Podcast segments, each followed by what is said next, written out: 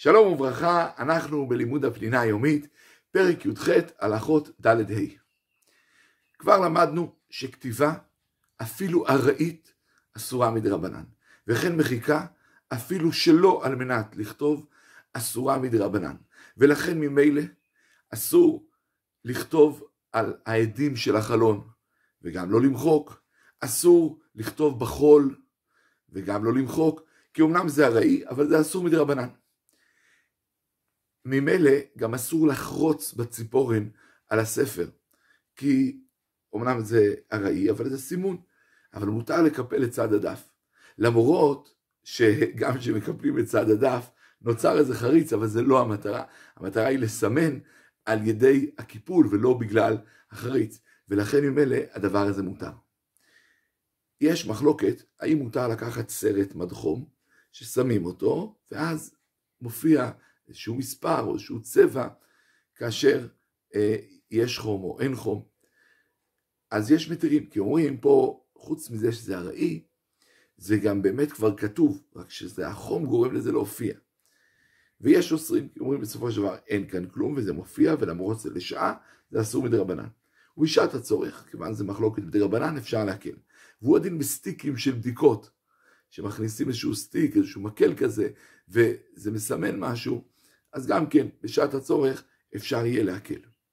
לקחת קוביות ולסדר אותן כך שייווצר אות או צורה, אה, או שיש קלפים שונים, שאם אתה שם קלף ליד קלף, נוצר לך איזושהי צורה, איזשהו אות. הדבר הזה מותר. מדוע זה מותר? מכיוון שזה לא מחובר אחד לשני.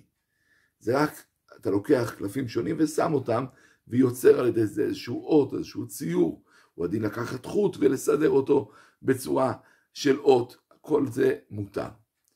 אבל רוב הפוסקים של זמננו אומרים כל זה, אם זה לא מחובר.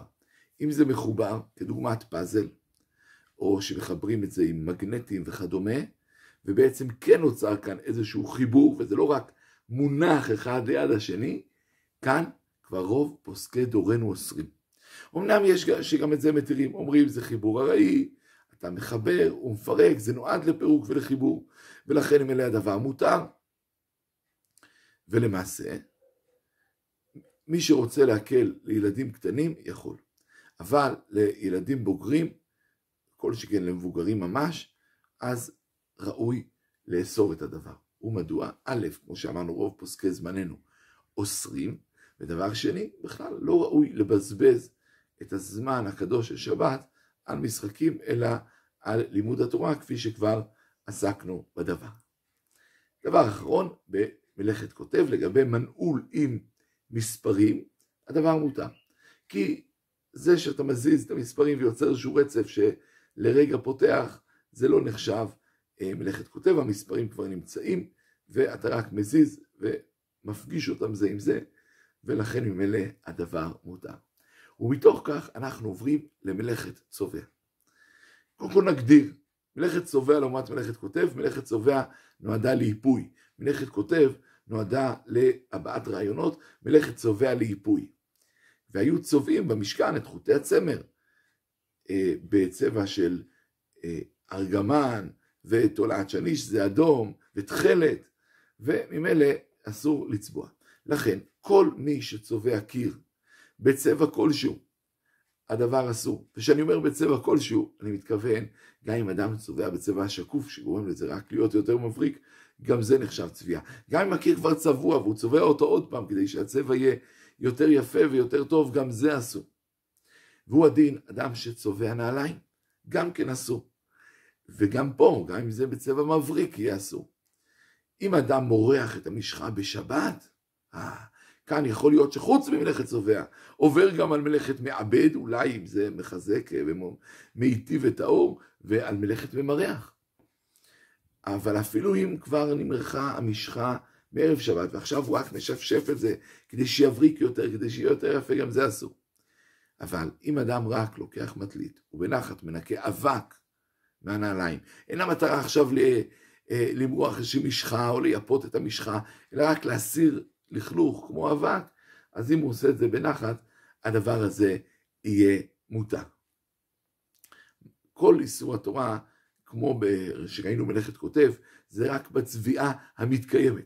אבל כאשר מדובר בצביעה שלא מתקיימת, ממילא הדבר מותר. כאשר אדם התלכלך במי פירות, במיץ, בדם או בכל דבר אחר, אז לכתחילה ישטוף קודם את הידיים במים, ורק אחרי זה במגבת, כדי לא לצבוע את המגבת. ואומנם זה דרך לכלוך, אבל יש אומרים שזה אסור.